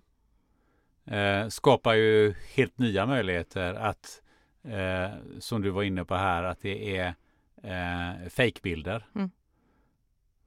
Vad ser du framför dig? Vi ser ju redan idag ganska mycket AI-genererat i vår hotline då, där folk anmäler in att de har sett barnpornografi på nätet till exempel. Eh, Så vi är redan där eh, och eh, det kommer ju bara öka mer och mer. Eh, Och som sagt, vi ser ju att det här med fejkade bilder på Expose och så kommer. Eh, Så tyvärr är ju det en utveckling vi ser, att det kommer att finnas mer övergreppsmaterial. Eh, Men då att det är AI-genererat. Eh, Vi vet ju inte hur den utvecklingen kommer att se ut. Om det kommer att innebära att vi ser mindre på verkliga barn, då eh, av övergreppsmaterial. Vi ser ju inga sådana tendenser just nu, utan snarare bara att det ökar också. Eh, men det är svårt att säga om den framtiden. Men det är klart att det är redan här. Det vi har pratat om, om nu eh, har ju gett eh, mig en inblick i en, i en värld som sagt var som jag inte hade en aning om och eh, som jag känner att eh, du har ju ett enormt engagemang eh, i det här. Vad, Och, och, du har ju, om man tittar lite på din eh, LinkedIn som jag har utforskat, så har du ju befunnit dig i den här, eh, man ska säga, eh, världen där, där du har jobbat med de här frågorna i lite olika, olika kontext. Eh, hur, hur, hur kommer du in i det här? Hur, hur har du skapat det här enorma engagemanget som du har? Det kommer väldigt tidigt ifrån. Eh, den här i min barndom så var det väldigt mycket rättvisa. Det ska vara rättvist eh, och jag ville bli jurist när jag var åtta år. Mm. Jag är ju jurist. visste du vad jurist var ja, när du var åtta år? Advokat, eh, det visste jag att jag ville bli väldigt, väldigt tidigt. Så det fanns redan tidigt det här att någonstans så finns det det som är rätt och fel. Och under uppväxten såg jag väldigt tydligt barn som på olika sätt blev behandlade på ett sätt som inte var orättvist. Jag hade en kompis eh, som hade svåra familjeförhållanden under gymnasiet som gjorde att hon helt enkelt fick bo själv och med stöd av socialtjänsten. Eh, och mycket i den situationen som inte fungerade eh, särskilt bra. Och då eh, blev jag ännu mer inne på att vi ska inte ha det så i vårt land att barn knappt har mat på bordet eller inte kan ha några trygga vuxna runt omkring sig. Vi måste kunna ha ett samhälle där åtminstone barns rättigheter sätts i fokus och att inga barn ska behöva gå hungriga, inte ha råd att köpa nya skor eller inte ha en enda trygg vuxen runt omkring sig. Ehm, så sen pluggade jag juridik och sen fick jag mitt drömjobb som mitt första jobb på Barnombudsmannen och så jobbade jag där i 17 år ehm, med barns rättigheter på olika sätt. Och då det som driver mig väldigt mycket idag, det är alla de barn och unga som jag har mött. Ehm, och deras, alla barn har varit i någon form av utsatt situation som jag har mött genom de här åren. Och nästan varje morgon så kommer jag ihåg något av de barnen eh, och deras enorma styrka. Eh, för alla de barn som jag har mött har en oerhörd styrka i sig att komma vidare, att få sina rättigheter tillgodosedda, även om de inte uttrycker det på det sättet. Um, och där samhället inte har lyckats med att ge dem det. Och därför går jag till jobbet varje dag. Det är för att jag vet att vuxenvärlden kan göra skillnad. Inte för alla barn samtidigt, men varje dag kan man göra skillnad för något barn. Eh, och det var liksom det som drev mig att vara här. Och det är det som driver mig att fortsatt vara i det här, även om folk frågar mig hur tungt det är att gå till jobbet varje dag. Det är inte tungt, eh, för att det är de där kidsen som jag ser framför mig som har levt i så otroligt tuffa situationer, men som ändå ställer sig upp och säger men jag ska vidare, jag ska framåt eh, och jag är inte min utsatthet. Jag är ett barn. Och det bär jag med mig väldigt mycket.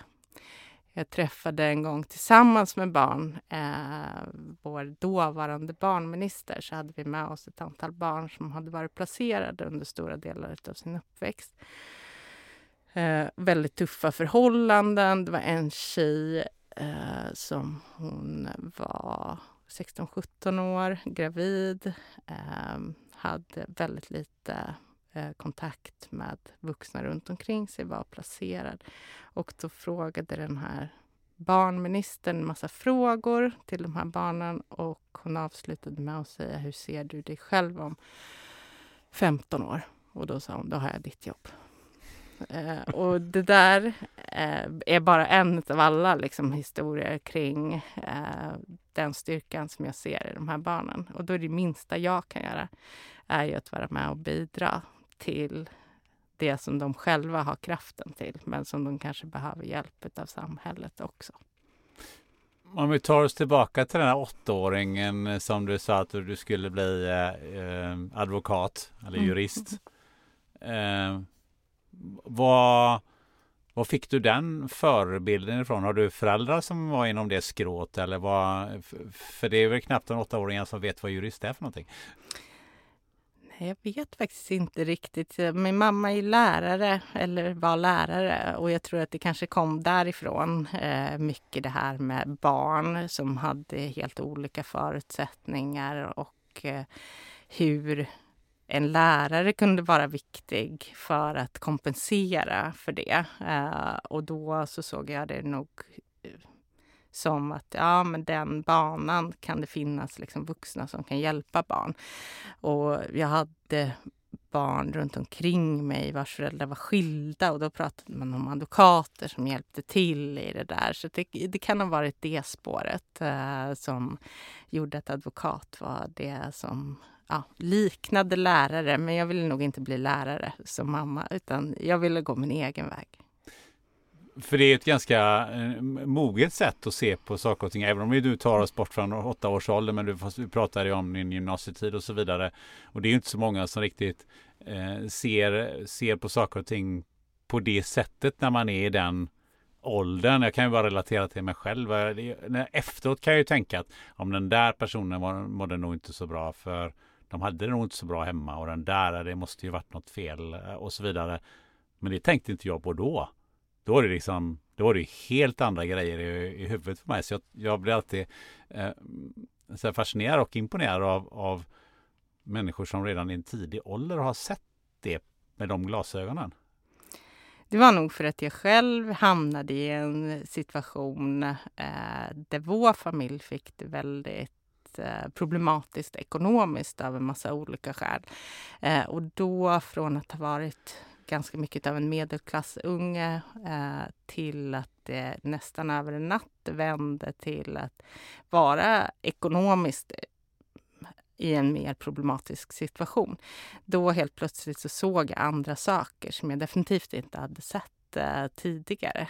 Träffade människor, barn eh, som som sagt kompisen jag beskrev här, men också andra eh, som levde i utsatta situationer som jag nog inte hade sett tidigare. Eh, att ha en mamma som en av kompisarna hade som levde i missbruk och följa med hem dit, se hur det var där.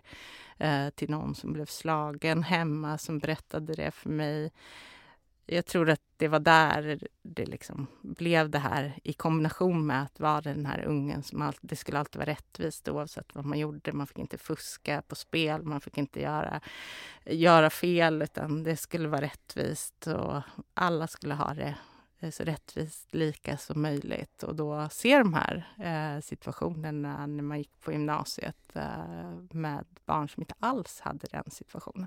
Och det var nog ett uppvaknande, men då i kombination med liksom, det jag ville och framåt så blev det bara ännu mer tydligt att det är det här jag vill göra. Det är barns mänskliga rättigheter som jag sen kunde sätta ord på att det var det det handlade om att vi måste ha grundläggande mänskliga rättigheter för att det räcker inte med att vi har ett bra samhälle. Eh, vi kan inte vara beroende av att det finns vuxna som är goda och snälla utan det måste finnas regler i samhället någonstans eh, och miniminivåer för eh, hur barn och unga ska få ha det.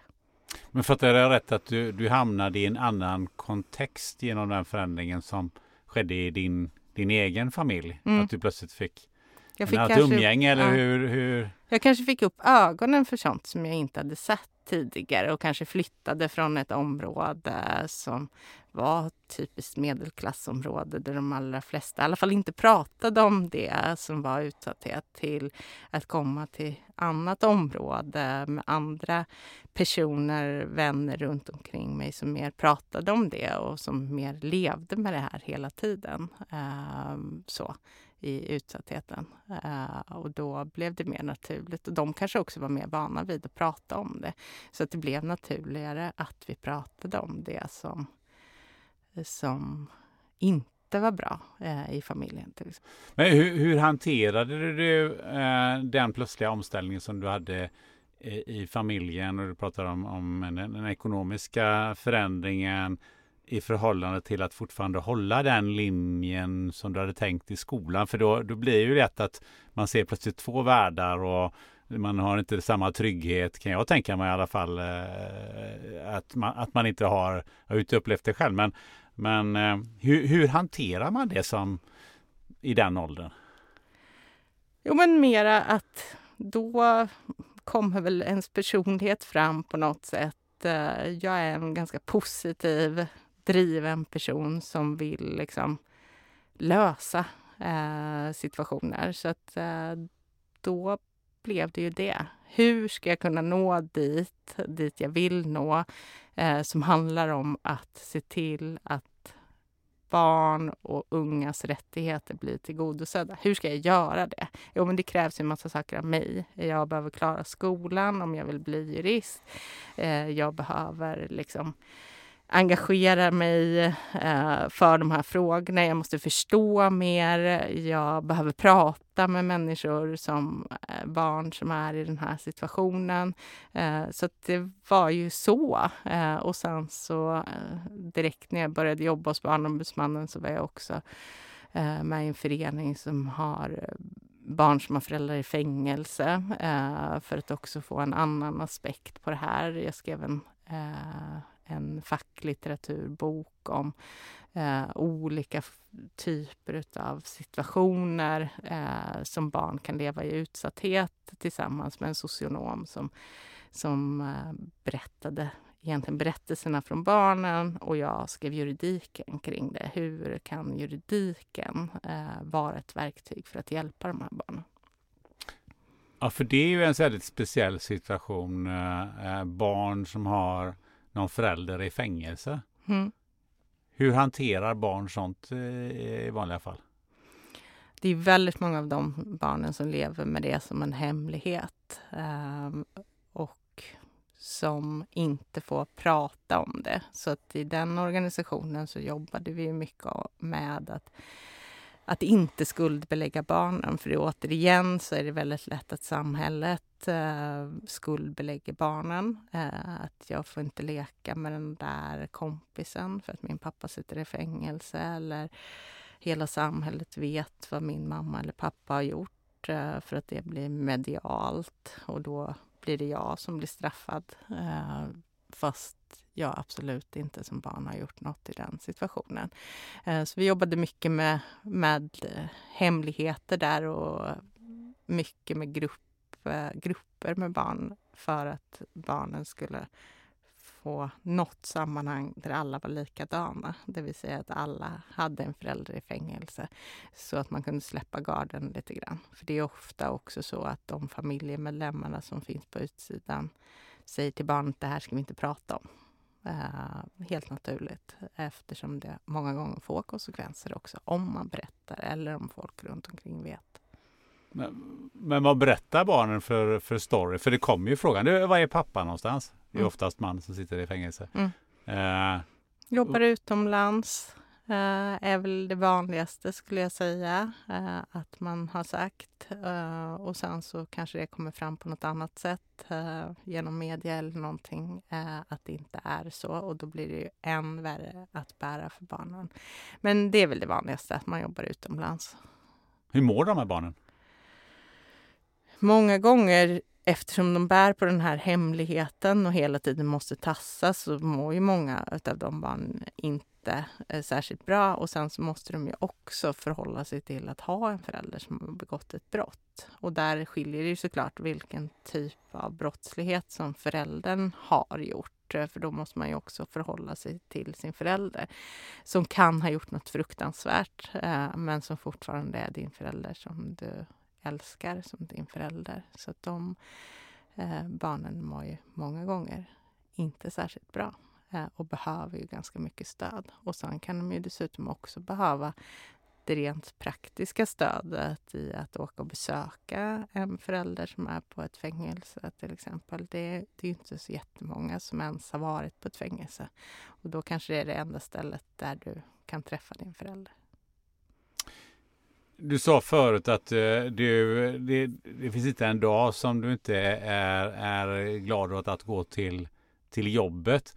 Men hur hanterar du eh, när det varit jäkligt på jobbet eller du har, eh, du har tagit med dig ett barns story utanför jobbet? För det, det måste du ändå göra. Det måste vara svårt att bara skära. Nu går jag ut mm. genom dörren här. Så stänger vi igen dörren så är den borta. Eh, hur gör du? Mitt vanligaste trick är att jag cyklar till och från jobbet. Eh, så då ältar jag de här sakerna i huvudet. Eh, sen är jag ju som sagt tränare för eh, en massa barn eh, i två olika idrotter.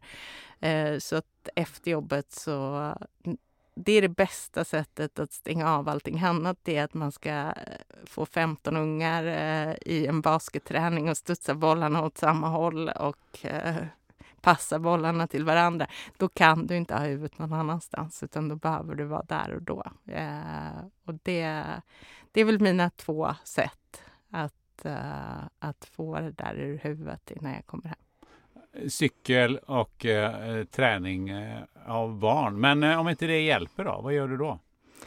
Ja, men då tar vi, vi jobbar ju mycket med handledning på vårt jobb till exempel eftersom vi har ju personer i verksamheten som granskar övergreppsmaterial och det är nog för de allra flesta människor det mest otänkbara jobbet man kan ha.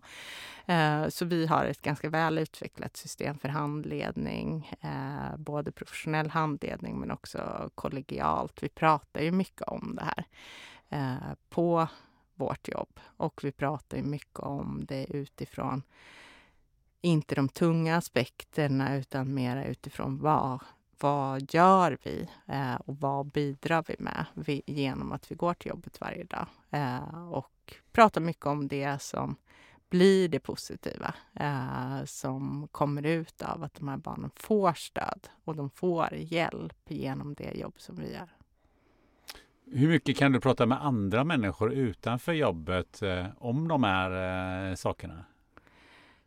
Jag tror att delar av mitt jobb tycker människor är väldigt intressanta. Men det finns ju andra delar som människor säger, börja inte ens prata, eh, för jag orkar inte höra det här. Eh, så att det går ju att prata om det som du och jag har pratat om idag. Eh, men sen finns det ju delar av det som är sånt som människor absolut inte ens vill höra. Eh, när vi pratar om väldigt små barn till exempel som blir utsatta. Det är tufft för väldigt många människor att höra. Eh, då pratar jag med mina kollegor som, som ser samma saker som jag gör. Om du sitter bredvid någon på, på ett party eller så vad, vad är den vanligaste frågan du får? Jag menar, vad jobbar du någonstans? Ja, men jag är generalsekreterare på ECPAT. Jaha, vad är det för något om de inte vet det? Mm. Alla människor vet ju inte det. Eh, vad, vad, vad, hur brukar sådana här samtal eh, utspinna sig? Ja, det börjar alltid med åh gud vad tufft. Eh, hur orkar du? Och sen jag är så glad att det finns sådana som du eh, som orkar. Eh, och sen så försöker jag berätta det som jag har berättat idag, att det är inte bara mörker utan det finns ju väldigt mycket vi kan göra eh, som viktiga vuxna runt barn. Eh, och det behöver inte vara så komplicerat alltid. Eh, och som sagt, jag försöker också prata om styrkorna de här barnen har och hur många barn som har sagt till mig att jag vill inte att du ser på mig som ett offer utan jag är ett barn och sen har jag varit med om tuffa saker. Eh, och det är det jag vill bli bemött utifrån.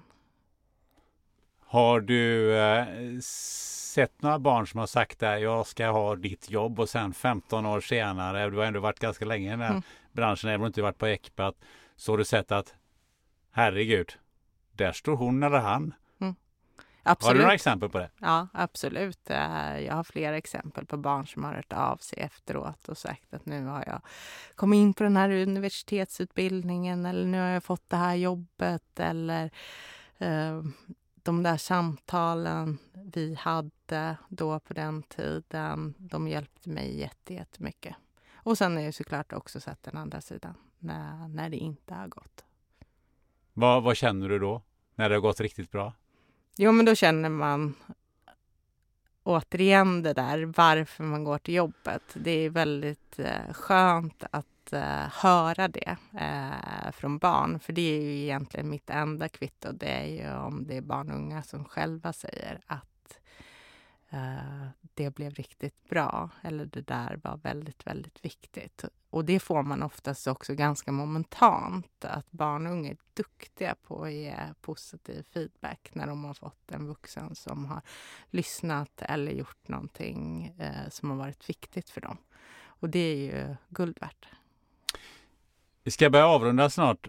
Men jag tänkte att eh, vi för en liten stund ska lyfta eh, blicken eh, lite högre Eh, jag tror att du nämnde ordet samhälle för en liten stund sedan. Det är samhället som, som vi ska leva i. Eh, hur ser det samhället ut som, som du tycker att vi borde leva i? Vad är det vi behöver göra då? Ja, men för mig är ju som sagt hela grunden i allting det är mänskliga rättigheter. Vi behöver ha ett väldigt, väldigt tydligt fokus på mänskliga rättigheter. Nu blev ju barnkonventionen lag för ett antal år sedan. Um, och jag tycker inte riktigt att tempot på förändringarna för barn och unga är tillräckligt stora. Det är svårt att ta hela frågan om mänskliga rättigheter tror jag för politiken i ett grepp och titta på hur lever vi upp till barns mänskliga rättigheter. Vi behöver ha ett tydligare fokus på det. Eh, alla barns rätt att skyddas mot våld till exempel. Eh, och det samhället där vi kan prata om barns rättigheter på ett konstruktivt, bra sätt eh, är ju viktigt för mig. Eh, men också att vi tar barns rätt till inflytande över sina liv på allvar. Att vi faktiskt ser dels att barn har kunskap, som jag har pratat mycket om här, att vi vuxna saknar väldigt mycket av den kunskapen om barns egen vardag. Ehm, att vi tar vara på den. Eh, för jag möter tyvärr alldeles för många vuxna som säger varför ska vi prata med barn? Det är vi som är vuxna, det är vi som vet bäst. Men jag skulle säga att det är inte så. Eh, om vi inte förstår hur det är att vara 13 år idag eh, genom att vi pratar med 13-åringar eh, så kommer vi inte komma närmare lösningarna eh, för de utsattheter som barn och unga har. Eh, så att i mitt samhälle så involverar vi mycket, mycket mer barn och unga för att kunna ta det ansvar vi har som vuxna och fatta de besluten som blir bäst. Ehm, och det skulle jag säga gäller för alla typer av rättigheter för barn det finns ganska många diskussioner i samhället där vuxna just nu diskuterar om barn eh, utan att egentligen veta så mycket om hur de här barnens situation ser ut som man debatterar oavsett om det är ekonomisk utsatthet eller vad det kan vara för någonting. Eh, det jag inte ser 13-åringen som är fattig eh, som underlag till diskussionen utan det är vi vuxna som pratar om. På samma sätt som vi pratar om eh, situationen på nätet och hur fasansfullt det är att varenda 13-åring har en mobiltelefon i handen istället för att fråga vad är det eh, som är positivt? Vad har vi för positiva delar och vad har vi för risker? Eh, som du vet så, så pratade jag ju med Claes Friberg, eh, för detta Säpo-chefen, eh, eh, för någon dag sedan här eh, i den här podden. Och han sa en sak att ehm, eh, fler borde göra mer. Um, och jag funderar lite på det, för det finns ju saker som han pratar om som touchar vid det som vi har pratat om idag. Um, vad kan vi göra när vi, när vi inte säger att ja, men det är både politiker eller det är skolan eller någon annan? Vad, vad, vad, kan, vad kan jag göra? Vad kan vi göra, vi som kanske inte är direkt involverade i de här diskussionerna som du säger här? Vad tycker du? Ja, jag brukar, för jag brukar få den frågan ganska ofta. Vad kan man göra om man inte orkar jobba med det som du gör men ändå vill göra någonting? Ja, och då brukar jag alltid säga att se ett barn i din närhet, eh, lyssna, eh, en extra gång. Uppmärksamma en extra gång. Om du tycker någon ser ledsen ut, våga ställa en fråga. Eh, eller om du tycker att där är någonting som inte stämmer i den där familjen. Eller det där såg jättekonstigt ut på den där skolgården eh, med det där barnet. Eller fråga någon, vad gör du i din telefon just precis nu? För det är ju det som barn och unga säger att de önskade mer från vuxenvärlden. Det är att vi skulle ställa frågor. Eh, jag kanske inte berättar första gången, men andra eller tredje eller fjärde gången kanske jag vågar eh, berätta. Och det kan vara vem som helst som kan vara den där eh, livlinan utifrån en utsatt situation. Det behöver inte vara mamma eller pappa. Ibland kan det omöjligen vara mamma eller pappa. Och då finns det förhoppningsvis en annan viktig vuxen där som har ställt en fråga och som har ställt en fråga en gång till. Och till slut vågar jag berätta. Ställ fler frågor. Eh, om jag då får svar som inte känns bra. Vad ska jag göra med de svaren? Det beror ju lite på hur situationen ser ut. Eh, men det finns ju samhällsinstanser som ska hjälpa barn som lever i utsatta situationer. Det kan vara socialtjänsten. Men det kan också vara så att jag behöver prata med det här barnets föräldrar eller fortsätta ge stöd till det här barnet. Eh, att det finns en vuxen där som pratar eh, med barnet kan vara så oerhört livsavgörande för barn som inte har någon att prata med som lever i en utsatt situation. Um, nu har vi hållit på här en bra stund och uh, jag vet att du innan sa att ja, men jag är ingen bra på att ge långa svar och förklara för jag är van vid att jag ska förklara saker och ting på fem minuter. Uh, hur, hur, tycker du att det här har känts? Ja, men det känns som det var ganska kort tid ändå, även om jag förstår att det är lång tid vi har suttit här. Så det gick bättre än jag trodde. Ja, det får jag verkligen säga. Om du skulle rekommendera någon till den här podden, för jag vet att du gav din eh, kommunikationschef eh, i uppgift att hon skulle förmedla detta till dig. Så du, jag hoppas att du fått den eh, ja. Eh, hemläxan. Har jag. Eh, vad har du för förslag? Ja, men jag har pratat mycket om mänskliga rättigheter och ehm, när jag jobbade på Barnombudsmannen hade jag en chef där som var barnombudsman som numera är chef för Institutet för mänskliga rättigheter som är relativt nyinrättat. Han heter Fredrik Malmberg. Eh, honom skulle jag rekommendera att du intervjuar. Mm. Det låter ju väldigt, väldigt intressant. Det känns som att eh, det, det, de här samtalen som, eller det här samtalet som du och jag har haft, det finns ju många fler att föra det med mm. utifrån eh, många fler vinklar. Mm. Eh, tror jag belysa det. Eh, en sista fråga. Eh, om man vill ha tag på dig eller om man vill eh, komma i kontakt med Ecpat oavsett om man är barn eller vuxen. Mm. Du har redan touchat vid det. Hur gör man? Ja, det enklaste är ju vår hemsida ekpat.se men vi har ju också för barn och unga dittekpat.se. Den är specifikt för barn och unga. Eh, sen kan man ju också ringa oss såklart på vårt växelnummer eh, som jag inte vågar säga här nu. För just telefonnummer är sånt där som jag numera inte lägger på minnet men det står på vår hemsida. Eh, och sen så kan man också mejla till oss på info.ekpat.se. Och där får man tag på dig också om man vill ha specifikt någon föreläsning eller få med dig något, något någonstans. Självklart, självklart får man tag på mig där. Anna-Karin Hildingsson Bokvist, tack för det här samtalet. Stort tack själv. Gillar du det här samtalet eller vill premiera att du sedan en tid tillbaka får ett nytt avsnitt varje vecka Ja, då går du in på Patreon.com, söker upp spännande möten och tecknar dig på ett abonnemang. Förutom att stödja podden så får du avsnitten före alla andra och utan reklam. Andra sätt att stödja podden hittar du på hemsidan spannandemoten.se. Om en vecka så ska vi snacka om skönsång och musikaler. Du ska nämligen få träffa musikalstjärnan Victoria Tocca som bland annat sätter upp Jesus Christ Superstar i Dalhalla i sommar. Tills dess så vet du vad du gör. Du sätter dig med en vän, du tar något gött att dricka och diskuterar hur många sopranstämmor det finns. Ha det gött!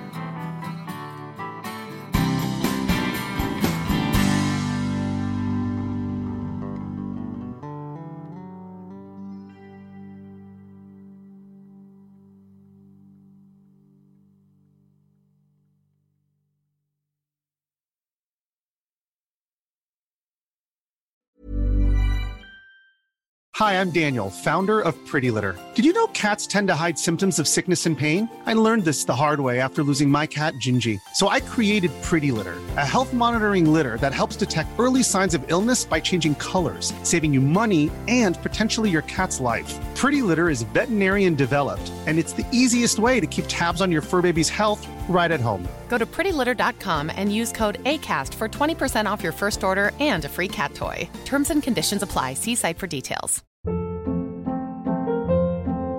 Hold up. What was that? Boring. No flavor. That was as bad as those leftovers you ate all week. Kiki Palmer here, and it's time to say hello to something fresh and guilt-free. Hello Fresh. Jazz up dinner with pecan-crusted chicken or garlic butter shrimp scampi. Now that's music to my mouth. Hello Fresh. Let's get this dinner party started. Discover all the delicious possibilities at hellofresh.com.